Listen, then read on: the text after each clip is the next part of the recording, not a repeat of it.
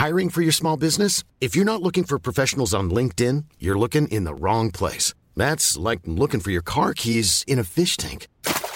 LinkedIn helps you hire professionals you can't find anywhere else, even those who aren't actively searching for a new job but might be open to the perfect role. In a given month, over 70% of LinkedIn users don't even visit other leading job sites. So start looking in the right place. With LinkedIn, you can hire professionals like a professional. Post your free job on linkedin.com slash people today. It's that time of the year. Your vacation is coming up. You can already hear the beach waves, feel the warm breeze, relax, and think about work. You really, really want it all to work out while you're away. Monday.com gives you and the team that peace of mind. When all work is on one platform and everyone's in sync, things just flow wherever you are. Tap the banner to go to Monday.com. There's never been a faster or easier way to start your weight loss journey than with PlushCare. PlushCare accepts most insurance plans and gives you online access to board-certified physicians who can prescribe FDA-approved weight loss medications like Wigovi and Zepbound for those who qualify. Take charge of your health and speak with a board-certified physician about a weight loss plan that's right for you. Get started today at plushcare.com slash weight loss. That's plushcare.com slash weight loss. plushcare.com slash weight loss. Palmemordet, ögonvittnen del 7, Delsborns taxibil. Jag heter Dan och jag hade väldigt trevligt den 28 februari 2017 då jag träffade 24 stycken av ni som sponsrar den här podden. Eh, vi åt middag tillsammans, pratade Palmemordet. Vi, jag gav en guidad tur av makarna Palmes väg till mordplatsen från Grand och därefter gärningsmannens väg upp till hörnet David Bagares gata, Regeringsgatan. Och jag hade god hjälp av Erik Engström. Tack Erik! Sen hängde vi på en bar vart efter vi avslutade vid mordplatsen klockan 23.21. Och där passade jag på att testa min nya portabla inspelningsstudio Zoom genom att göra en del intervjuer och de kommer absolut sist i det här avsnittet. Så det här kommer bli ett späckat avsnitt för det finns mycket i det. Jag kommer att gå igenom iTunes-recensioner. Men ämnet för avsnittet är ju då Delsborns taxibil. Vi har redan pratat om Delsborn. Han är ett av de allra viktigaste vittnena. Han är med i avsnitt 7. Vi har också kommit tillbaka till Delsborn under mötesscenariot och andra sammanhang. Nu ska vi prata om Ann-Charlotte H, Charlotte L och Lena S. Som alltså är passagerarna i Delsborns taxibil. Men innan vi gör det så vill jag då nämna att om ni vill sponsra den här podden så får vi möjlighet att göra sådana här saker. Podden överlever, podden går framåt, podden tar upp intressantare och intressantare spår som kräver mer och mer arbete. Det bästa sättet att sponsra podden är på patreon.com palmemordet. P-A-T-R-E-O-N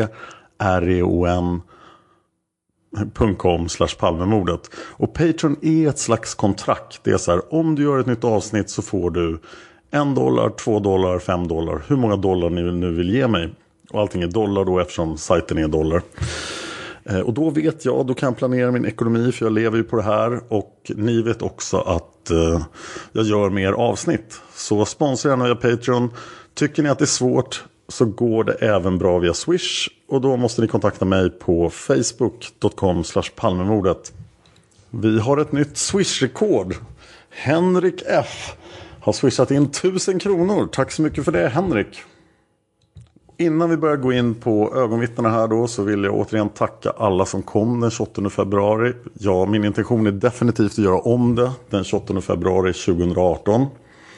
Och så vill jag också tacka Cecilia som är med idag som vittnet Ann-Charlotte H. Ja, men nu tillbaka till den 28 februari 1986. Anders D, 28 år gammal, är taxichaufför på Järfälla Taxi. Han har just varit på Barkarby station och där har han hämtat upp tre yngre damer som ska in till stan för att dansa på den hippa nattklubben Berzelii-terrassen, även kallad BZ. De har suttit i taxin i cirka 20 minuter när Anders kommer fram till trafikljusen på Sveavägen. Stämningen i bilen är hög. Anders skämtar och skojar med damerna som har suttit hemma och festat en stund innan färden in till stan. De har druckit lite vin, något eller några glas och avsikten att åka till Kungsträdgården och hoppa av i Hamngatan. När Anders kommer fram till korsningen med Tunnelgatan får han rött ljus och måste stanna. Han står i mittfilen och är ensam bil i den riktningen. Han står och väntar på grönt ljus och tittar sig omkring. När han till vänster om sig lägger märke till tre personer som står och samtalar med varandra. Dels en ensam person med ryggen åt husfasaden och dels ett par som har ryggen ut mot Sveavägen. När han efter en stund får grönt ljus släpper han på bromsen och ska just börja köra. Precis då kommer en kraftig smäll från platsen där han sett de tre personerna. Han tittar till vänster och hör samtidigt ytterligare en smäll. Rök och en eldflamma kommer från ett vapen som mannen med ryggen mot fasaden håller i händerna. Taxibilen är nu exakt mitt i korsningen, bara några få meter från händelserna på trottoaren. Anders beskriver vapnet senare som en koltliknande revolver med en ovanligt lång pipa. Mannen som sköt uppfattar han vara 180-185 cm lång, bred ryggtavla, bärandes en blandning mellan en grå herrhatt och en Sherlock Holmes-mössa neddragen i pannan. Samt en långrock, en sorts gråaktig ulster med svarta stänk som räcker ner till knäna. Ann-Charlotte H är en av passagerarna och det är alltså hon som Cecilia gör idag senare. Och sitter rakt bakom chauffören. Genom denna placering är hon en av de personer som haft bäst uppsikt över mordplatsen just i skottögonblicket. Ann-Charlotte har dock till skillnad från samtliga andra vittnen en omvänd bild av offren och gärningsmannens placering. Enligt henne står gärningsmannen med ryggen mot söder och skjuter mot norr. Offret står placerat med ryggen mot norr och blir skjuten i bröstet. Hon ser när mannen drar tillbaka sitt vapen, ett stort vapen, en Magnum Bonum. Hon tycker att det är något större än vanliga pistoler och revolver. Runt 20 cm långt bedömer hon att vapnet är. Mannen stoppar in vapnet med höger hand innanför rocken på vänster sida. Sen vänder han sig åt höger och ber sig springande från platsen. Direkt efter kommer två flickor i 20-25 årsåldern springandes fram till platsen. Ann-Charlotte beskriver mannen som sköt som 30-40 år, av medellängd och utan några speciella kännetecken. Han bär en knälång mörk rock. Håret är rakt, kortklippt och mörkt. Byxorna är mörka. Ann-Charlotte ser också någonting som ingen annan tycks ha sett. Mannen hade handskar på sig. Ann-Charlotte säger sig ha sett mördarens ansikte, eller i alla fall delar av det. Hon har sett haka och näsa, men kan olyckligtvis inte beskriva dem närmare. Anders reagerar mycket snabbt vid skotten och tar omedelbart upp sin taxiradio. Samtidigt som han kör in till kanten ropar han till Järfälla Taxis växeloperatör. Ring polisen, det är en man skjuten i hörnet Sveavägen Tunnelgatan. Anders noterar att gärningsmannen tvekar en kort stund som om han undrar åt vilket håll han ska fly. Tvekandet varar i ett par sekunder. Sen försvinner mannen. Han springer otympligt, klumpigt, stelt och inte speciellt snabbt. Charlotte L, 18 år, är dagisfröken i Solna. Hon sitter också i Anders taxi, baksätet till höger och har därmed en relativt dålig plats för att göra noggranna observationer. Men om Charlotte får en mycket detaljerad beskrivning av gärningsmannens rock. Hon säger att den är av en sorts luden, lodenaktig kvalitet och går cirka 10-15 cm under knäna. Den har sprund och är knäppt. När gärningsmannen springer så fladdrar rocken. Charlotte observerar också en annan person som står mycket nära de tre på Tunnelgatan. Det är vittnet Anders B. Hon ger en bra beskrivning även av honom som denna kväll har en blå midjekort täckjacka. Taxichauffören får order av växeloperatören att stanna kvar på platsen till polisen kommer. Han kör därför in sin taxi till trottoarkanten för att släppa av damerna och de betalar 105 kronor och hoppar av. Lena S, 18 år, som satt i framsätet bredvid Anders D, lyckas bara se en liten del av själva dådet och kan bara lämna mycket svag beskrivning av gärningsmannen. Hennes bidrag till mordgåtan är av ett helt annat slag. Lena är nämligen ytterst kissnödig. Och så snart Anders stannar och släpper av dem måste hon omedelbart leta reda på en toalett. Väl ute på trottoaren går hon ner på dåvarande Tunnelgatan, nuvarande Olof Palmes gata, i hopp om att finna en restaurang med tillhörande toalett. Hon kommer ner till korsningen med första tvärgatan, Olofsgatan och spanar ingen lycka. Hon tvingas därför be sig tillbaka till Sveavägen med oförrättat ärende och återförenas med sina vänner. Och just som Lena kommer tillbaka från sin promenad ser hon polis och även ambulans komma fram till platsen. Lenas promenad bör ha tagit ungefär en minut. Att bli avsläppt och betala tar cirka 30 sekunder enligt Anders egen uppskattning. Vi kan härigenom tro oss veta att om vi tror på Lenas vittnesmål så kom polis och ambulans mycket snabbt till platsen. Kanske så snabbt som 90 sekunder efter skotten. Lena med sällskap bestämmer sig för att fortsätta promenaden söderut. Och efter ett tag kommer de fram till restaurang Monte Carlo vid Kungsgatan. Där de fortsätter kvällen. Och nu fortsätter vi då med förhöret med Charlotte L. Charlotte L heter Eva i mellannamn och kan i vissa listor över vittnen dyka upp som Eva L. Förhöret hålls den 3 mars på kriminalavdelningen i Stockholm i början klockan 16.55. Förhöret hålls av kriminalinspektör Thomas Karlsson och förhöret avser mordet på statsminister Olof Palme. Förhörsledaren, ja, vill du berätta med egna ord vad du såg på kvällen den 28 februari? Charlotte. Vi kom i taxin då och så precis vid rödlyserna nästan så hörde vi första skottet. Då tittade vi dit åt det hållet och då trodde vi bara att det var någon bil som hade pangat eller låtit om. Sen efter ett litet tag då tittade vi dit och då hörde vi det andra skottet och en man som föll ner på gatan. Taxibilen han svängde in, stannade och ringde efter polis och vi tittade dit men det samlades bara folk där. Så såg vi en man i mörk kappa eller rock försvinna in på den där gränden. Förhörsledaren, ja, såg du någon mer där bredvid mannen som föll? Charlotte, nej det var folk som kom dit. Som samlades när det hade hänt. Men vad jag förstår vad, vad jag såg så var det fler personer än bara en. Det var väl Palme och hans fru. Men jag tyckte det var fler. Förhörsledaren, du sa att ni åkte taxi. Vilken riktning och varifrån kom ni? Charlotte, vi kom från Järva, Hässelby. Vad heter det? Blackeberg? Nej, det var en Järva-taxi i alla fall. Förhörsledaren, ni åkte Sveavägen i riktning. I vilken riktning åkte ni? Charlotte, mot stan, mot Kungsgatan. Förhörsledaren, du sa vid rödljuset. Du menar rödljuset vid Tunnelgatan? Charlotte, ja just det, vid den där affären där med dekorationer. Hur många var ni i taxin? Vi var tre personer plus taxichauffören. Förhörsledaren, jaha, vad heter de som var med dig? Eh, Charlotte, eh, Ann-Charlotte H och Lena S. Förhörsledaren, var satt du i bilen? Charlotte, längst bak, bakom, inte föraren utan den andra.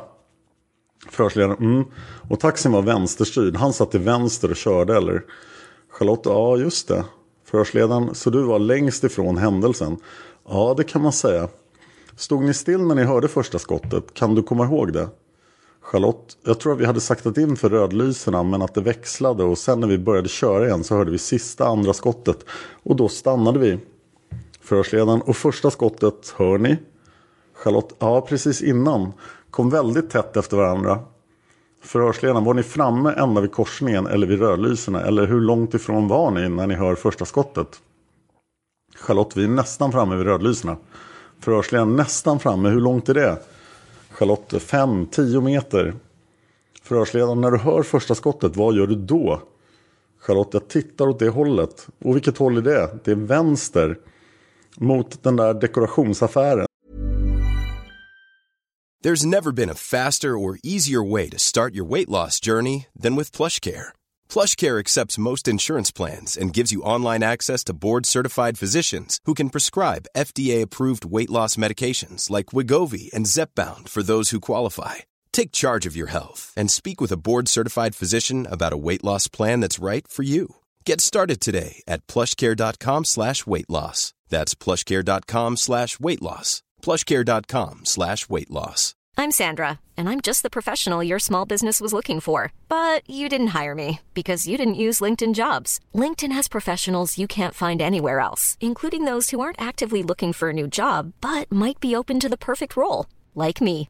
In a given month, over 70% of LinkedIn users don't visit other leading job sites. So if you're not looking on LinkedIn, you'll miss out on great candidates like Sandra. Start hiring professionals like a professional. Post your free job on linkedin.com/people today. Burrow is a furniture company known for timeless design and thoughtful construction and free shipping, and that extends to their outdoor collection. Their outdoor furniture is built to withstand the elements, featuring rust-proof stainless steel hardware, weather-ready teak, and quick-dry foam cushions. For Memorial Day, get 15% off your Burrow purchase at burrow.com slash ACAST and up to 25% off outdoor. That's up to 25% off outdoor furniture at burrow.com slash ACAST. Förhörsledaren, du hör tydligt att det kommer därifrån. Charlotte, ja. Förhörsledaren, och när du tittar då, vad ser du då? Charlotte. Då ser jag en man rikta pistolen och så hör vi andra skottet. Och sen springer han in på den där tunnelgatan och han faller ner på gatan och sen så samlas det folk då. Förhörsledaren. Men just när du ser att han riktar pistolen, hur många personer ser du mer än han som håller pistolen i just det läget? Charlotte. Det är svårt. Förhörsledaren. Ser du? Du ser en man som håller en pistol. Charlotte. Ja. Och så han som faller och så en till. Förhörsledaren, det är de, det är tre personer som du iakttar. Charlotte, ja men sen kommer det. Förhörsledaren, mm, vi väntar där. Precis när du ser den här stå med en pistol i handen, tittar du på den mannen då? Charlotte, jag tittade på händelsen, inte just mannen, om man ska säga så i helhet. Förhörsledaren, du förstår att han skjuter en person där? Charlotte, ja. Förhörsledaren, det står helt klart. Charlotte, ja. Precis när du tittar. Charlotte, så vänder sig mannen om och precis vänder sig om, tar bort handen och så springer han. Charlotte berättar att hon ser när andra skottet avfyras och då håller gärningsmannen pistolen riktad med höger hand mot offret. Han skjuter det andra skottet och vänder sig sedan åt vänster helt om och börjar springa in i gränden. Då mannen vänder sig håller han en pistol i handen. Liljedahl berättar att av situationen förstår man att det var en pistol han höll. Mannen vänder sig då om och springer in i gränden Tunnelgatan mot Brunkebergstrappan. Förhörsledaren. Den här gärningsmannen, hur är han klädd? Charlotte. Han har mörka kläder från topp till tå. Det ser ut som att han har lång rock på sig. En knävad lång rock. Förhörsledaren. Lägger du märke till någonting med rocken? Charlotte. Nej. Förhörsledaren. När han börjar springa är det någonting konstigt med den. Ser den ut att sitta tight på honom? Charlotte. Nej, som normalt. Medium. Förhörsledaren. Är det så att den Charlotte med, med sprund, typ så här, rör sig ner vid benen Förhörsledaren, den fladdrar alltså. Charlotte, eh, inte fladdrar direkt, men lite grann. Förhörsledaren, kan du säga om den här rocken var knäppt? Charlotte, ja det var den. Förhörsledaren, den var knäppt. Charlotte, annars skulle den fladdra mer. Förhörsledaren, och det var en mörk rock. Charlotte, ja. Förhörsledaren, vad för modell ungefär skulle du vilja uppskatta den till? Är det en lång täckjacka eller är det en... Charlotte, nej. Mera någon loden. Förhörsledaren. Något lodenaktig. Charlotte, ja lite luddig sådär. Förhörsledaren och den är mörk. Charlotte, ja. Förhörsledaren, vad lägger du märke till mer? Vad har han på sig mer? Charlotte, det ser jag inte. Förhörsledaren, nej, har han någonting på? Ser du någonting på huvudet? Charlotte, nej, nej, han är mörk. Förhörsledaren, mörk på huvudet. Eh, Charlotte, ja. Förhörsledaren, uppfattar du någon mössa eller någonting liknande? Charlotte, nej det gör jag inte. Förhörsledaren, ingenting. Charlotte, nej. Förhörsledaren, det är mörkt hår alltså. Charlotte, han kan ha haft en keps eller någonting som ser mörkt ut på det. Men eh, förhörsledaren, du uppfattar inte hur han såg ut på håret. Charlotte, nej det är mörkt alltså, det är allt jag kan säga. Förhörsledaren, såg du vad han hade för byxor? Han du se någonting av det? Charlotte, nej han var mörk. Förhörsledarens skor eller stövlar, han du uppfatta någonting sånt? Jag tror han hade skor på sig, det tror jag. Men du vet inte närmare. Han var väldigt mörkklädd. Förhörsledaren, bar han på någonting? Du sa att när han vände sig om så såg du pistolen. Bar han på någonting i sin andra hand? Charlotte, inte vad jag kunde se. Förhörsledaren, ingen väska eller någonting? Charlotte, nej. Förhörsledaren, och så säger du i samband med detta så upptäcker du en man som står vid den där affären, Dekorima. Charlotte, ja just det. Förhörsledaren, hur långt ifrån står den här mannen från själva mordplatsen? Charlotte, 10 meter. Förhörsledaren, vart har han blicken riktad? Kan du uppfatta det? Charlotte, ditåt. Förhörsledaren, ditåt. Charlotte, ja. Förhörsledaren, hur ser han ut? Charlotte, det tänkte jag inte på. Jag såg bara att det stod någon där. Det var en man, lite kraftigare tror jag att han var. Men däremot tror jag han hade täckjacka på sig. Förhörsledaren, vad var det för färg? Såg du vad det var för färg? Charlotte, nej. Den var inte ljus. Det var också det här lite mer mörka, blåa någonting åt det hållet. Förhörsledaren, såg du något om den här mannen bar på någonting eller? Charlotte, nej jag tror han hade händerna i fickorna. Förhörsledaren, ja vad händer då? Den här mannen rusar in i gränden, vad uppfattar du mera? Charlotte, ja jag ser att det kommer folk dit och börjar försöka se vad som har hänt liksom. Och sen stannar det bilar, hoppar ur några människor därifrån. De sätter igång sån där hjärtmassage, det ser man på rörelserna då. Förhörsledaren, den här mannen som försvinner in i trapphuset där. ser du vart han tar vägen? Charlotte, nej. Förhörsledaren, ser du någon som springer efter den här mannen? Charlotte, ja jag såg det var någon som sprang efter en bit. Men sen hade jag mina blickar riktade åt ett helt annat håll. Förhörsledaren, den här som sprang efter, hur såg han ut? Eller han du se det? Charlotte, det kan jag inte minnas tyvärr. Medellång, nej det är svårt. Då vände vi oss åt det hållet där vi hörde skottet. Förhörsledaren, då första skottet gick? Charlotte, ja. Förhörsledaren, då riktades blicken mot Charlotte platsen. Förhörsledaren, mot platsen ja. Charlotte. Och sen när andra skottet, då tittade vi och då hörde vi och såg mannen och så bara jag sprang han och det gick så fort. Och han föll till marken. Förhörsledaren, han du se? Du sa att det var, ja, hur långt ifrån platsen är du? Charlotte, oj vad kan det vara? Tvärs över gatan. Förhörsledaren, kommer du ihåg i vilken fil som ni låg? Charlotte, ja vi låg i högerfil. Närmast trottoaren så det var bara att svänga in och så stannade vi. Förhörsledaren, han du se när du tittade på mannen? Han du då se ansiktet på mannen? Charlotte, nej. Förhörsledaren, ingenting. Charlotte, nej. Förhörsledaren, om du la märke till Charlotte mustasch eller någonting sånt? Ja, någonting sånt. Charlotte, nej det var mörkt. Förhörsledaren, det var mörkt. Kan du uppskatta någon ålder på den här personen du såg? Charlotte, jag skulle tippa, han såg inte gammal ut. Alltså vi ska säga 35, 40, 45 någonting. 35 till 45. Förhörsledaren, mm, såg han, hur lång såg han ut att vara? Var han längre eller större än eh, Charlotte själva personerna? Förhörsledaren, ja. Charlotte, jag skulle tippa att han var 175 till 185 däremellan. Förhörsledaren, du säger 180 till 185. Charlotte, ja just det. Förhörsledaren, och normal kroppsbyggnad? Charlotte, ja. Förhörsledaren, är det någonting mer du har iakttagit? Charlotte, nej, folk samlades så man såg ingenting. Polisen och ambulansen kom väldigt snabbt. Vi tänkte gå dit sen, men eh, undersköterska då och hjälpa till. Men det var så mycket folk där redan så jag tyckte det var onödigt, så vi gick därifrån. Förhörsledaren. Avslutningsvis vill Liljedal tillägga att hon uppfattade rocken att det är nedanför knäna omkring 10-15 cm samt att hon uppfattar personen som en man på grund av klädsel och kroppsbyggnad. Charlotte uppgav också att eh, då andra skottet avlossat hon ser gärningsmannen stå med vapnet riktat mot offret. Är avståndet mellan offer och gärningsman mellan en till två meter uppskattat. Förhöret har spelats upp för Charlotte som godkänner i sin helhet. Förhöret slut 17.35. Slut. Och sen kommer vi då till Lena S som också heter Ingrid och kan dyka upp som Ingrid i vissa listor över vittnen. Hon förhörs av Thomas Karlsson. Hon förhörs den 4 mars klockan 15. Eh, Lena berättar att hon satt i framsätet i den taxibil som larmade ambulans och polis efter mordet. Hon satt till höger om taxichauffören. Lena hör plötsligt två smällar i snabb följd. Och då hon tittar mot Tunnelgatan, Sveavägen och mordplatsen så ser hon tre personer.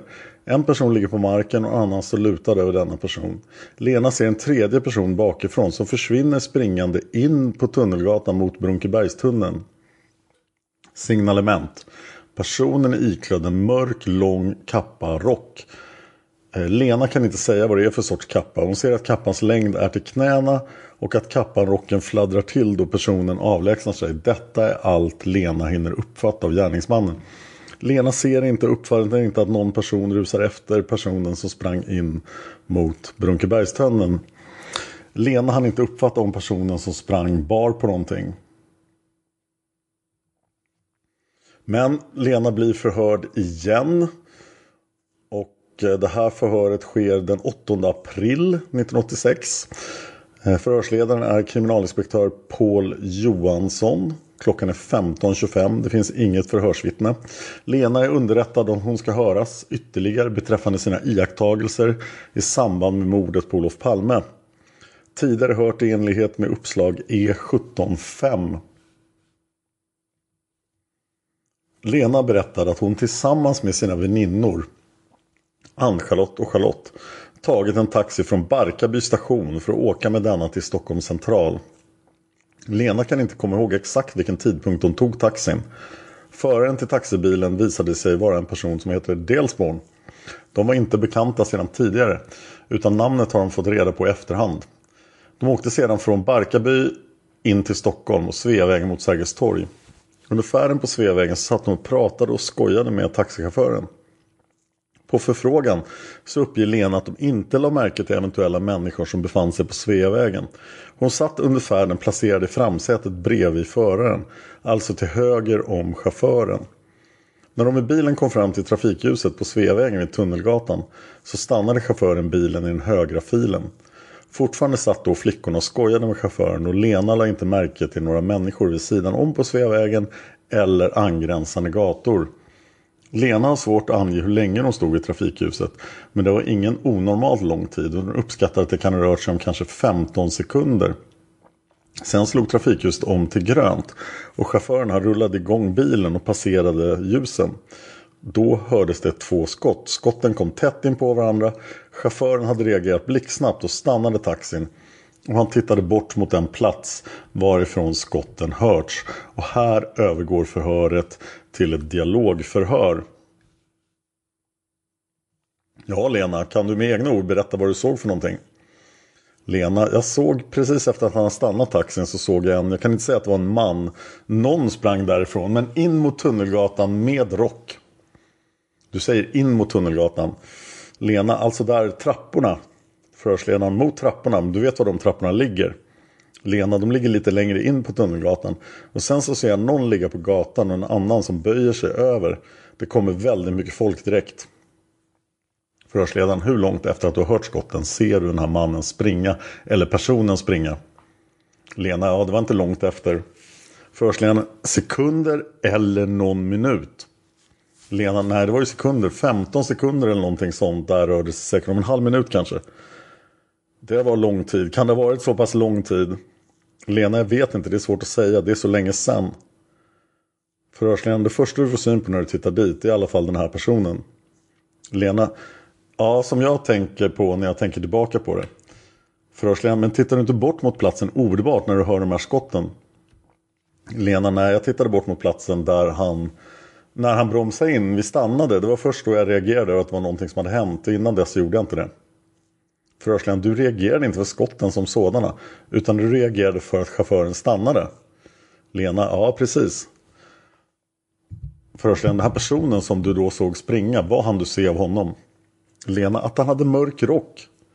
Förhörsledaren, du säger han, lutar åt att det är en man i alla fall. Lena, ja det gör jag nog. Jag kan inte säga att det är en han, det såg jag inte. Förhörsledaren, ser du något mer? Lena, nej vad jag minns så ser jag bara en mörk rock som fladdrar i mörkret. Förhörsledaren, hann du se någon längd på personen eller kroppsbyggnad eller något sånt? Lena, nej. Förhörsledaren, du ser bara en mörk rock. Lena, ja. Förhörsledaren, ser du om han har någon huvudbonad eller något sånt? Nej. Under hur lång tid kan du ha sett honom? Lena, två sekunder. Tar inte längre tid att springa in i gränden där. Sekunden efter det att chauffören stannat bilen och fått klart för sig vad som har hänt så tillkallar han via sin radio polis. Däremot så dröjde det någon stund längre innan de på radion fick klart för sig att det även var nödvändigt med ambulans. Samtidigt som chauffören tillkallade hjälp så samlades det ett antal människor borta vid en plats där Lena uppfattat att en person fallit omkull. Lena såg dock endast människorna på håll och kan inte lämna någon beskrivning på någon av dem i och med att chauffören skulle stanna kvar till polis anlände så betalade Lena och hennes väninnor taxin och klev ur. Ungefär en halv minut efter det att chauffören tillkallat hjälp så hade ambulans kommit till platsen. Lena tyckte att det gick väldigt fort för ambulansen att komma fram. Även polis kom till platsen kort efter. Lena och väninnorna uppsökte sedan en restaurang vid Sveavägen Kungsgatan där de besökte toaletten. När de sen kom ut på gatan igen så tittade de bort mot platsen och då hade det samlats ännu mer människor. Lena och väninnorna gick därefter åt motsatt håll och såg inte mer av vad som hände på platsen. Sammanfattningsvis uppger Lena att de kommit till taxin på Sjövägen och att Lena då inte lagt märke till några människor runt på gatan omkring. Därefter har skotten hörts och när Lena tittar bort mot platsen varifrån hon hört skotten så har hon sett en person med mörk rock springa in i gränden, det vill säga Tunnelgatan. Omedelbart därefter så uppmärksammar hon också att en person ligger på gångbanan och att en annan person är böjd över den liggande. Omedelbart därefter så ansluter sig andra människor. Lena kan inte lämna någon beskrivning uppger hon på någon av de personer hon iakttagit. På förfrågan uppger Lena att hon inte har sett den springande personen bära något vapen eller liknande. Lena tillfrågas också om hon har sett någon person med någon walkie-talkie eller liknande stå i närheten av Sveavägen Tunnelgatan. Men hon uppgav sig inte ha sett något sådant. Lena uppger härvid också att omedelbart efter att de betalat taxin så hade hon själv gått ner Tunnelgatan mot Norra Bantorget till Första Tvärgatan, vilket är Olofsgatan. Anledningen var att hon var så kissnödig att hon tänkte söka en plats där hon kunde hitta en toalett.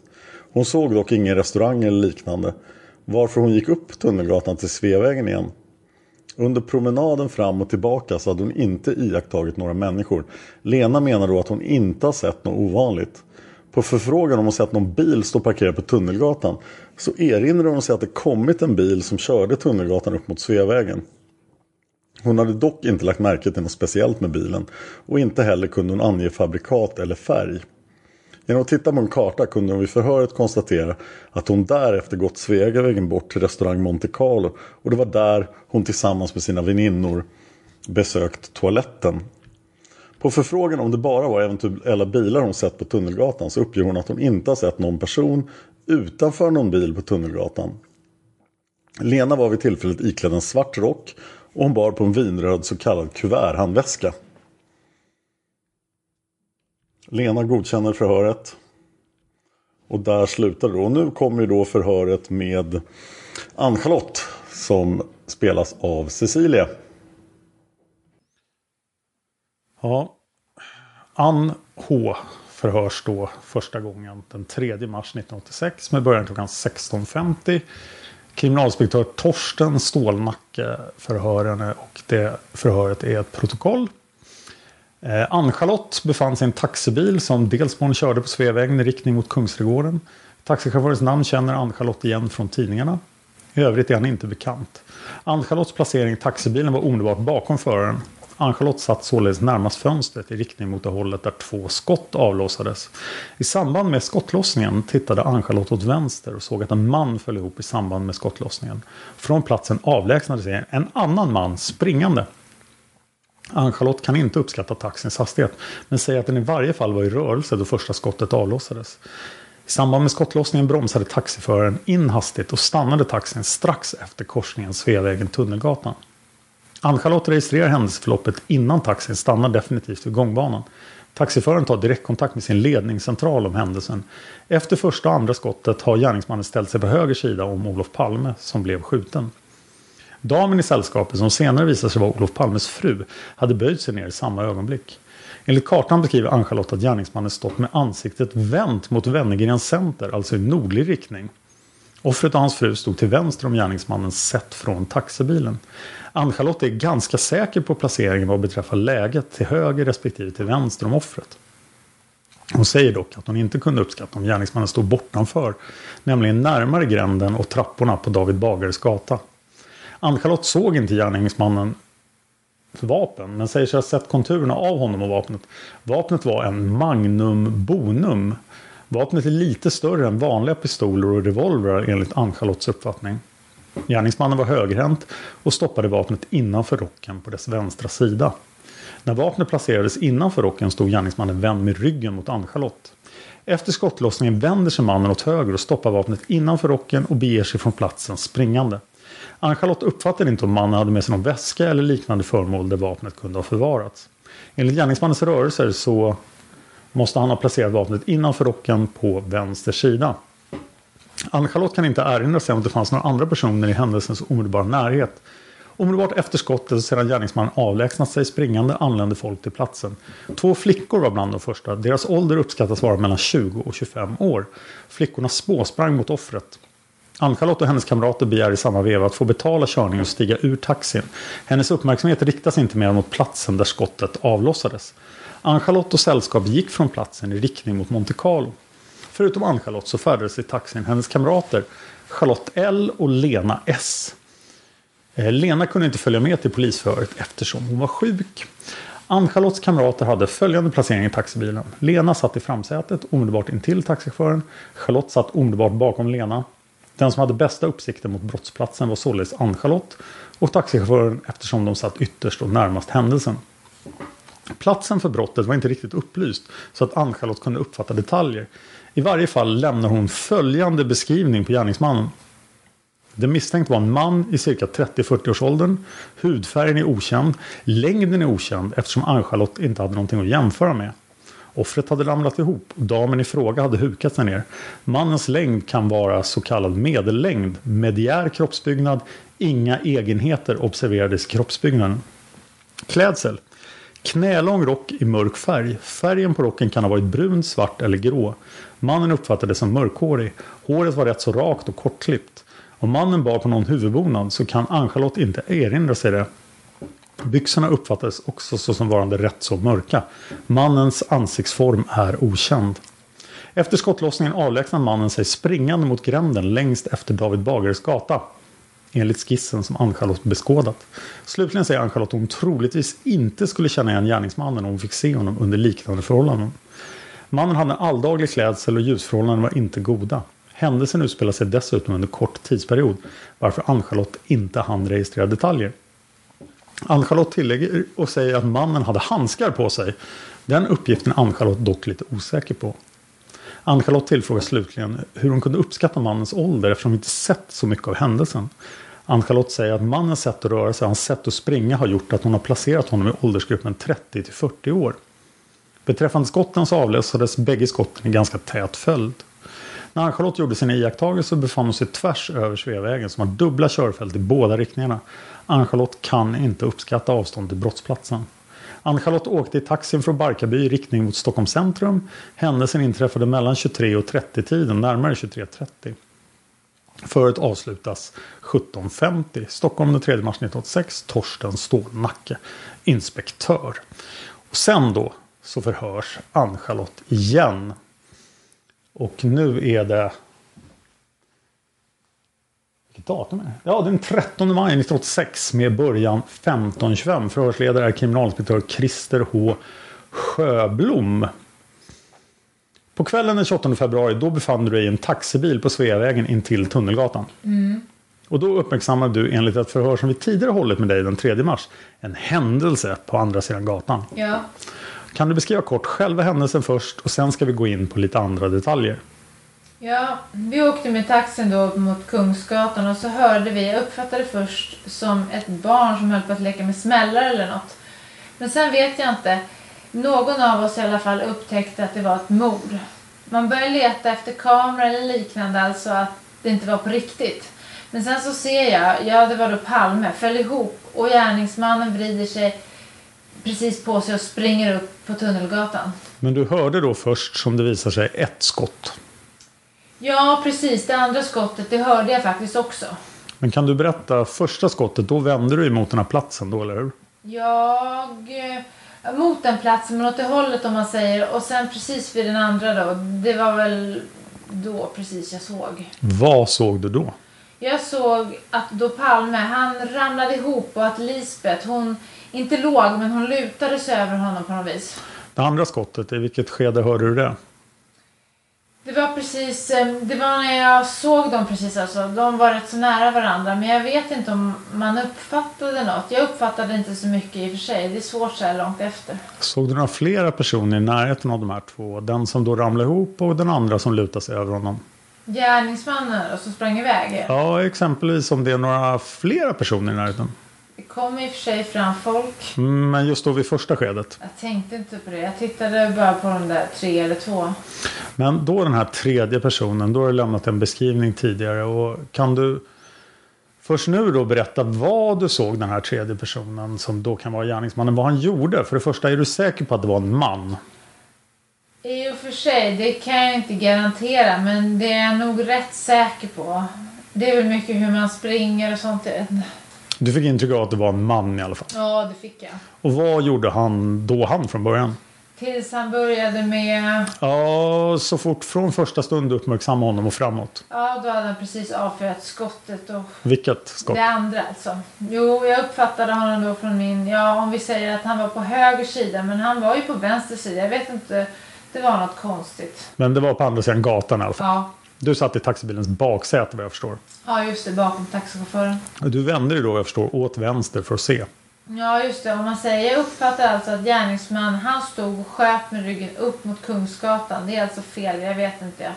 Berätta hur du uppfattar situationen när du såg den här personen. Ja, precis. Ja, och precis där när han skjutit så vände han sig in mot Tunnelgatan. Samtidigt då stoppade han ner pistolen, jag uppfattar innanför rocken. Och så började han springa upp mot gränden. Men när du först såg honom så stod han alltså på Sveavägen. Med som du tror ryggen mot Kungsgatan. Alltså vänd Sveavägen norrut. Och var befann sig då paret Palme? Var de framför eller bakom honom? Alltså framför honom. Framför honom. Hur långt ifrån dem var han ungefär? Vad ska jag säga? Det var inte överdrivet långt. Det är rätt svårt det där med avstånd. Men det kan ha varit en, två, tre meter kanske. Det kanske är helt fel, jag vet inte. Men det var inom ett par meter ifrån. Ja, precis. Relativt nära. Ja. Och hur stod han när du fick syn på honom? Beskriv precis hur han stod med armar, ben, händer, huvud och allting. Han tittade mot dem om man säger så. Hur såg du honom? Bakifrån, framifrån eller från sidan? Jag såg honom från sidan, men det var så väldigt kort stund liksom. Eller det var väl mer mot sidan än bakifrån. Nej, mer mot sidan än framifrån. Ja, i alla fall. Du såg honom mer i profil i alla fall. Ja, det gjorde jag. Ditt första intryck av honom, hur höll han då händerna? Händerna, han... Det är svårt att beskriva. Den högra handen höll han ju pistolen i. Såg du vapnet? Ja. Du såg att han hade något i handen? Ja. Det såg du? Någonting var det i alla fall. Det kan ju för sig ha varit en handske. Det kan jag inte svära på. Hade han handskar på sig? Det vet jag inte heller eftersom han var mörk. Jag såg ju inte speciellt klart i alla fall. Så ja, Men han hade någonting i ena handen. I vilken hand? i höger. Höger hand. Ja, jag såg det ju så om man säger. Men å andra sidan, om han stod som du beskriver, vänd så, då ska hans högra hand ha varit vänd bort från dig. Ja, jag vet. Jag vet inte hur jag har fått ihop det, men så uppfattar jag faktiskt. Kan du beskriva det där föremålet som han hade i handen? Ja, det var inte stort, det kan jag säga. Har du sett några vapen i verkligheten tidigare? Ja, men väldigt få hängande på väggen eller något. Men en vanlig pistol eller revolver, har du sett några sådana riktiga? Jag tror att det var sådär långt kanske. Du gissar på ungefär 20 centimeter som du såg då eller? Eh, Eller vad jag uppfattade överhuvudtaget. Totalt från insidan av handen. Ja, just det. Jag vet inte hur jag har fått ihop det här, men nej, men jag, jag kan... Det kan jag tänka mig med alltihop. Och vad gjorde han med det här föremålet? Han hade precis skjutit då och stoppade ner det innanför rocken. Hur då? Det måste ha varit samtidigt som han vänder sig om då och börjar springa. Han vände alltså ryggen mot dig då. Ja. Och han stoppade den innanför rocken säger du. Åt vilket håll? Alltså i infickan som då var närmast gatan, om man säger Sveavägen närmast mig. Som du uppfattar då gick på vänster sida. Ja, precis. Sen när han då vände sig och började springa. Såg du om han tog upp handen igen ur fickan? Det gjorde han väl rätt så snart efter. Men såg du det? Hur han sprang liksom, jag menar. Men såg du när han tog upp handen? Nej, jag tänkte inte på. Såg du om han bar på något annat? Det tror jag inte heller. Jag tror han bara sprang. Jag uppfattar inget annat. Då kan du börja med att försöka beskriva hans klädsel. Börja uppifrån. Hade han något på huvudet? Antingen var han mörkhårig eller så hade han på sig något. För det var i alla fall inte ljust. Han kan alltså ha haft någonting på huvudet eller också bara varit mörkhårig. ja. Du kan inte säga säkert. Nej, det kan jag inte. Så hade han på sig en rock. En mörk rock som var ungefär ner till knäna. Kanske lite längre. Jag vet inte precis. Kan du beskriva den rocken? Vad var det för färg? Den var mörk. Den kan ha varit mörkblå eller den kan ha varit mörkt, mörkgrå. Eller, ja, mörk. Du nämnde grått eller blått, grå eller blå rock. Är du säker på den färgskalan? Mörk var den. Mörkt vit är den i alla fall inte om man säger. Det är en av de mörka färgerna. Mm, såg du något mer om rocken? Om det hade någon skärp, någon stor krage eller kapuschong eller några större fickor eller något speciellt med den? Eller överhuvudtaget någonting du kan lägga märke till eller la märke till? Nej, tänkte jag inte på. Hade den något sprung eh, bak exempelvis? Jag vet inte. Jag tycker det är så långt tillbaka liksom. Jag har svårt för att komma ihåg. Men någonting du la märke till rocken utom att den var ungefär knälång och mörk? Det var inget sånt där jättelätt tyckte jag i alla fall. Jag tjockare kvalitet kanske. Det var inte päls eller liknande. Kan du på något sätt erinra dig exempelvis hur kragen såg ut? Liten eller stor eller med någon huva eller någonting? Ingen huva, det tror jag inte. Det var väl en vanlig, alltså som alla andra om man säger. Det var inget speciellt du la märke till i alla fall. Nej, man tänker liksom inte på att man ska lägga märke till så mycket heller. Byxor? Det tänkte jag inte så mycket på. Det såg jag inte så mycket av heller, men han var väldigt mörk hela han. Han hade ju inte kjol på sig i alla fall, det var byxor. Ja, det blev ett kort avbrott i förhöret, men de fortsätter. Det är ingenting då utöver i byxorna säger du fick ett mörkt intryck av hela honom. Vill du med det säga att du tror att byxorna också var mörka eller? Ja, det tror jag. De sken inte upp något speciellt. Skorna? De var mörka. Jag kan inte alls säga om vad det var eller vad det var för sorts skor eller något. Byxorna, kan du säga om de var smala eller vida, om de fladdrade eller om de var nerstoppade i några stövlar eller om de hängde fritt eller något sånt? Jag tror de hängde fritt. Alltså de var inte jättevida och inte jättesmala. Det var nog mer vanligt. Rocken då, hur uppförde den sig när han sprang? Precis, det har jag också funderat på. Jag vet faktiskt inte. Den satt ju på alla fall. Fick du uppfattningen om den var knäppt eller öppen? Tänkte inte på. Vad gäller handbeklädnad, handskar, vantar eller något sånt, hur var det med det?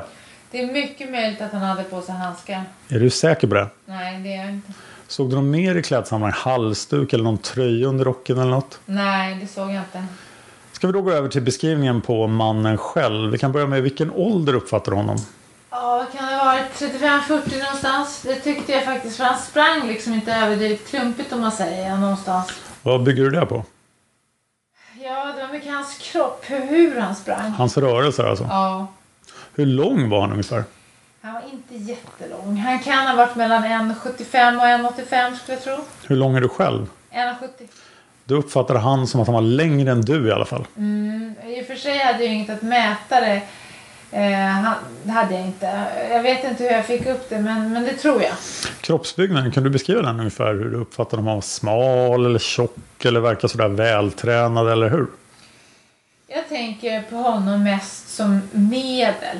Inte spinkig, inte tjock. Mycket möjligt att han hade några muskler eller något sånt, men det såg man ju inte. Men sådär som vem som helst. Det var inget utmärkande så du lade märke till att han var speciellt då kraftigt byggd eller smal. Nej, det såg jag inte något av.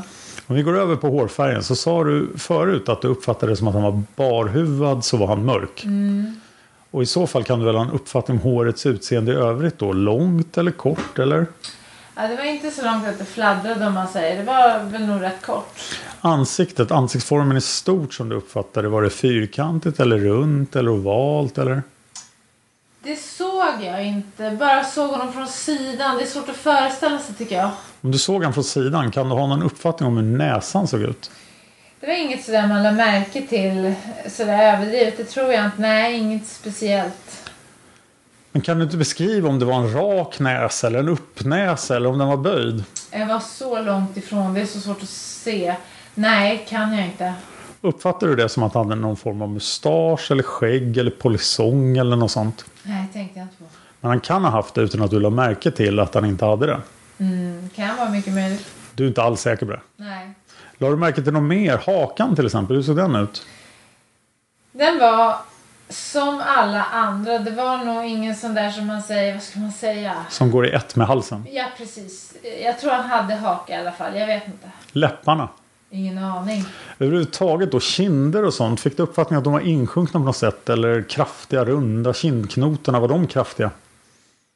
Nu vet jag inte om det är honom utan jag tror att jag föreställer mig mest. Jag tycker det är så svårt. Jag vet inte. Sen det rörelsescheman hade, kan du beskriva hur eh, du sa att han började springa från platsen? Kan du berätta hur han sprang då? Han sprang inte sådär jättesnabbt i början utan det var ju inte att jogga heller. Lite snabbare. Sen blev det väl, väl snabbt upp för trappan. Såg du honom ända upp i trappan? Nej, jag tänkte säga det. Det gjorde jag nog inte. Men hans sätt att springa, kan du beskriva hur han rörde armarna till exempel? Tänkte inte på. Det var inte överdrivet så här riktigt joggarstil som jag uppfattade. Benen då, hur rör han dem? Var det bara klara steg då eller var det slängigt? Det var nog mer klara stegen slängigt. Det var det absolut. Såg du om han stannade till någon gång efter det han började springa? Nej, det såg jag inte. Hur länge ungefär kunde du följa honom? Var försvann han för dig? Jag tänkte inte så mycket på honom mer än att han sprang iväg. Det var inte många sekunder liksom. Sen kom det ju folk och hopade sig runt. Såg du om någon sprang efter honom? Nej, det såg jag inte. Någon gång där började vi betala taxin och gå av. Det glömde jag fråga. Hans ansiktsfärg, var den mörk eller ljus? Det såg inte jag. Men uppfattade du honom som att han var europé eller om han hade några mörka drag? Såg inte alls. Neger eller något sånt? Sydlänning? Det vet jag inte. Om han var neger så hade han i så fall mössa på sig. För så högt var det inte. Det tror jag inte. Hur, hur då menar du? Men om han hade stort krulla? Nej, jag menar hans ansiktsfärg då. Nej, jag vet inte. Jag såg inte alls. Så den kan ha varit både mörk och ljus. Vid konfrontationen idag, då var du tydligen, vad jag fått berätta för mig, lite försiktigt tittat åt en persons håll sådär. Kan du berätta vad det var som gjorde att du fastnade för honom? Jag tyckte att han såg väl ut som, vad ska man säga, han såg väl lite skum ut på något vis. Jag vet inte varför. Klockan 15.50 så blev de kort störda av telefonen. Han, jag tyckte att han hade ett lite skumt utseende. Och så vet jag inte om jag förde ihop honom med bilden på något vis. Den du har sett i tidningarna, den här fantombilden. Ja, jag vet inte. Det var alltså på hans skumma utseende som du reagerade. Ja, precis. Alla andra liksom dem. Jag tyckte i alla fall eh, så att man nog log lite här och där. Men han såg hela tiden så allvarlig ut och så. Jag vet inte, det behöver inte alls ha med att göra. Men om du jämför med ditt intryck från platsen här, vad var det då som stämde med honom? Vet jag inte. Jag vet inte om det var något överhuvudtaget. I och för sig, det är ju det att han var mörkhårig. Men jag menar, ja. Det var de allihopa i och för sig i stort sett. Jag tror det mest har med fantombilden att göra. Fanns det någon annan i gruppen som du överhuvudtaget reagerade för? Nej, det var det inte. Jag kan inte säga det klart, det var han liksom, för det vet jag inte alls. Men det var ju så här att han, ja,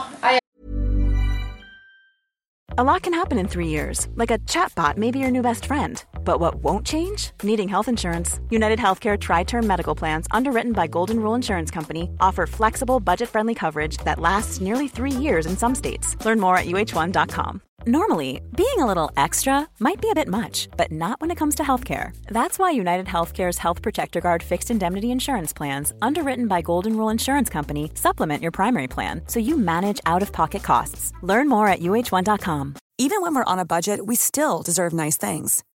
Quince is a place to scoop up stunning high-end goods for 50 to 80% less than similar brands. They have buttery soft cashmere sweaters starting at $50, luxurious Italian leather bags, and so much more. Plus, Quince only works with factories that use safe, ethical, and responsible manufacturing. Get the high-end goods you'll love without the high price tag with Quince. Go to quince.com slash style for free shipping and 365-day returns. jag vet inte. Men vad som är väsentligt är att veta om du på något sätt kan koppla en viss person till platsen och dina iakttagelser där. Jag vet faktiskt inte. Det är inte så att du är rädd för att berätta någonting. Nej då, det är jag faktiskt inte. Inte nu. Jag vet inte. I och för sig skulle jag kunnat vara honom liksom vilken annan som helst. Jag kan inte säga honom precis att det var just han som stod där. Det vet jag inte alls. Så det finns ingenting då som gör att du kopplar honom till platsen egentligen. Jag tror inte det. När han sprang slutligen, la du på något sätt märke till hans skor eller skosulor? Nej, nej, jag tror aldrig jag såg dem någon gång. Då avslutar vi föret klockan 15.55. Eh, det blir godkänt och eh, Christer Sjöblom skriver under. Och nu har jag alltså hört alla de tre flickorna i Delsborns bil. Det här avsnittet är långt ifrån slut. För i slutet av avsnittet kommer då intervjuerna som jag gjorde på mordplatsen på 31-årsdagen.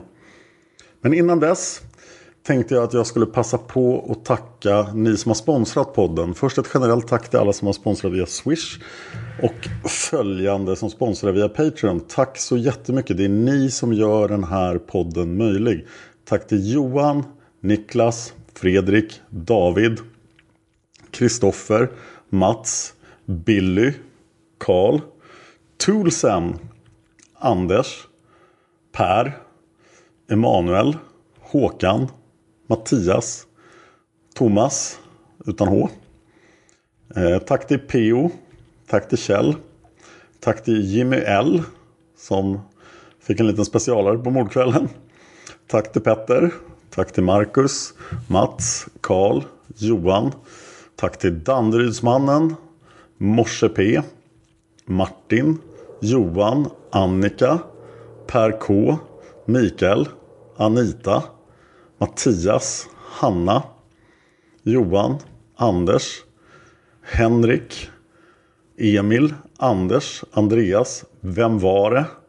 Kricke, Staffan, Stefan, Bjarne, Marie, Gustav, Marcus, Martin och Anders. Och sen tack till alla som har valt att donera utan att få tack. För det kan man också göra på Patreon. Så patreon.com slash Palmemordet om ni gillar den här podden. Patreon. Och det är ju så att om ni lyssnar på den här podden på iTunes eller ja, på iTunes på en iPad eller en iPhone eller på datorn via iTunes. Då kan ni lämna iTunes-recensioner och det gör att podden syns mycket mer. Så jag är väldigt tacksam för iTunes-recensioner. Det är också ett perfekt sätt att lämna mig feedback för podden. Och nu tänkte jag då läsa iTunes-recensioner som jag fått sen senaste gången jag läste. Eh, först har jag fått fem stjärnor med rubriken Row av Odell Fischerman. Eh, Supreme rik podd om detta Stockholmsmysterium. Poddvärldens entusiasm och röstkvalitet gör att denna podd blir av högsta kvalitet. Rekommenderas. Tack så mycket. Tack för alla iTunes-recensioner. Och här kommer några till. Rubriken Lärorik och intressant, fem stjärnor av Kristina Backman. Har just börjat lyssna och plöjer nu avsnitt efter avsnitt. Tack för en bra podd. Eh, tack för det. Sen kommer en rubrik Bra, men vissa avsnitt har väldigt dåligt ljud med tre stjärnor. Eh, av plus, ampersand, minus. Spännande, intressant och lagom lite spekulerande. Ogillar dock att ljudet är så dåligt i vissa avsnitt. Eh, drar därför ner betyget. Lisbeth 1, 2, 3 utmärkta, absolut femmor. Men i avsnitt 4 är gästens ljud bitvis lågt och hela tiden burkigt. Och i avsnitt 5 är allt burkigt. Väldigt störande, borde vara lätt att fixa till. Och det var inte alls lätt att fixa till, men nu har vi ett... Eh, ja, det som hände då i Lisbeth 4 var att eh, ljudet i Yogis studio blev inget bra. Det kanske ni har hört lite i det här avsnittet också. Jag gjorde faktiskt intervjuer, eller jag gjorde förhör med eh, Cecilia för de två andra tjejerna i bilen också. Men de var jag tvungen att slänga bort för de blev så dåliga. Jag hoppas det här blev lite bättre. Ljudet i femman är helt enkelt beroende på att eh, ja, det är, finns mycket eko i stället jag spelar in. Men nu har jag en zoom så nu hoppas jag att det ska bli bättre när jag gör nästa intervju med en gäst. Och den gästen kommer att vara något speciellt. Så då hoppas jag verkligen att vi har fixat ljudet. Men generellt så är det mycket svårare att få bra ljud när man är flera personer. Vi fortsätter. Eh, nästa iTunes-recension, faktarik och intressant för grävaren och den intresserade, fem stjärnor. Av Gurkan 200. Fakta ur officiella utredningar med mera. Sen kommer Danderydsmannen. Och han säger trevlig podcast fem stjärnor. Dan gör en trevlig, saklig, bildande och underhållande podd. Mitt enda orosmoment är att Palmemordet ska bli alltför populärt i breda kretsar och inte längre endast för en nördigt insnöad krets. Missa förresten inte att stödja podden på Patreon. Jag gjorde det själv först nyligen. Dels känner jag mig nu mer delaktig i podden och dels känns det bra och rimligt att betala för Dans gedigna arbete. Danderydsmannen. Tack för det. Och sen kommer en iTunes-recension med rubriken Dag Hörning är en stjärna. Men jag heter ju Dan Hörning. Men jag, jag, ja, det är okej. Okay. Fem stjärnor av Pelle Haglund. Och den enda texten han har skrivit i recensionen är Det var inte jag som mördade Palme. Nästa recension uttömmande fem stjärnor av Acke 2. Allt du någonsin har velat veta om mordet på Olof Palme. Men varit för rädd att fråga om. Nästa recension lysande fem stjärnor av Paddans. Enda problemet med podden är att den endast kommer ut en gång i veckan. Ja, och den kommer inte att komma ut oftare än så. Eh, det är nog för svårt helt enkelt. Mera recensioner. Min favoritpodcast, fem stjärnor av Quitsu. Detta är en riktigt bra podcast för alla som gillar true crime. Även om man anser sig vara väl påläst vad gäller Palmemordet så lyckas Dan ändå gräva fram massor som man inte hade en aning om. Stort plus för YouTube-videorna som är guld värda om man inte är stockholmare och inte har full koll på de aktuella platserna. Jag tycker ljudet i podden är väldigt bra och förstår inte riktigt varför alla andra klagar på det. Som sagt, mycket bra podcast. Och på YouTube-kanalen Palmemordet då så finns det helt enkelt en massa videor från brottsplatsen och området i närheten. Och om ni har förslag på videor jag ska göra eftersom jag har förmånen att disponera en lägenhet i närheten av mordplatsen så eh, säg till mig så ska jag försöka göra dem. Nästa recension. Var som du är Dan, fem stjärnor av Frida Anna-Karin Johansson. Jättebra podd. Jättebra att du läser och hela tiden försöker förbättra dig. Men lyssna inte för mycket för folk som stör sig på hur du berättar och pratar. Det finns så många poddar. Man vill inte att alla ska låta lika. Du rabblar massa, massa, massa information på ett levande och personligt sätt. Med så mycket fakta behövs det personlighet. Kör på bara. Och ja, det kommer jag göra. Eh, nästa recension. Intressant. Fyra stjärnor av Ograst. Intressant om Palmemordet. Fakta i massor. Fem stjärnor av Rosknacker. Här frossas det i fakta, vilket är väldigt intressant och många andra dokumentärer etc. endast skrapar på ytan vad gäller detta fall. Väldigt bra, fem stjärnor av Asak Otroligt informativt och vi som inte ens var födda när Palme sköts kan få en djupare inblick i historien. Fantastisk podd, fem stjärnor av Derf 2468. Sluta aldrig. Någon gång kommer den här podden att sluta. Men den punkten är väldigt avlägsen. Speciellt om vi kan finansiera de stora spåren som är nära att nå på Patreon. Spår som ja, Christer Pettersson, PKK, Viktor Gunnar, Viktor G menar jag. Och Polisspåret. Informativt och spännande. Fem stjärnor av Mattias 1980. Kanonbra jobbat. Rekommenderat starkt. Planerar att swisha en peng till löning. Kämpa på. Toppbetyg, fem stjärnor av M. Gamhov. Toppbetyg på en extremt intressant podd. Eh, tack fem stjärnor av Ponville. Otroligt bra och lättlyssnad podd. Tack, men Erik är för dryg att lyssna på. Intressant och detaljerat fem stjärnor av Salmingklubba. Intressant och detaljerad podcast om Palmemordet. Och det var alla jag hade idag. Tack så hemskt mycket. Fortsätt skicka in recensioner. Och nu är jag nästan klar för idag. Alltså efter det här så kommer jag lägga in de intervjuer jag gjorde på mordplatsen. Och det är då inspelat med nya zoomen men inspelat i stadsmiljöer. Så vi får se hur bra ljudkvaliteten blev. Eh, och feedback på ljudkvaliteten tas då gärna emot i form av iTunes-recensioner. Tack för att ni lyssnar. Ja, där lovade jag alldeles mycket då så att eh, jag lyckas inte få ut filerna ur min nya Zoom-inspelare. Utan jag återkommer senare med intervjuerna från brottsplatsen. Och jag har kallat in experthjälp. Men de hinner inte fram i tid för det här avsnittet måste levereras den 8 mars. Eh, så jag återkommer i intervjuerna. Det kan hända att de hamnar på YouTube istället för här i podden. Tack för att ni lyssnar.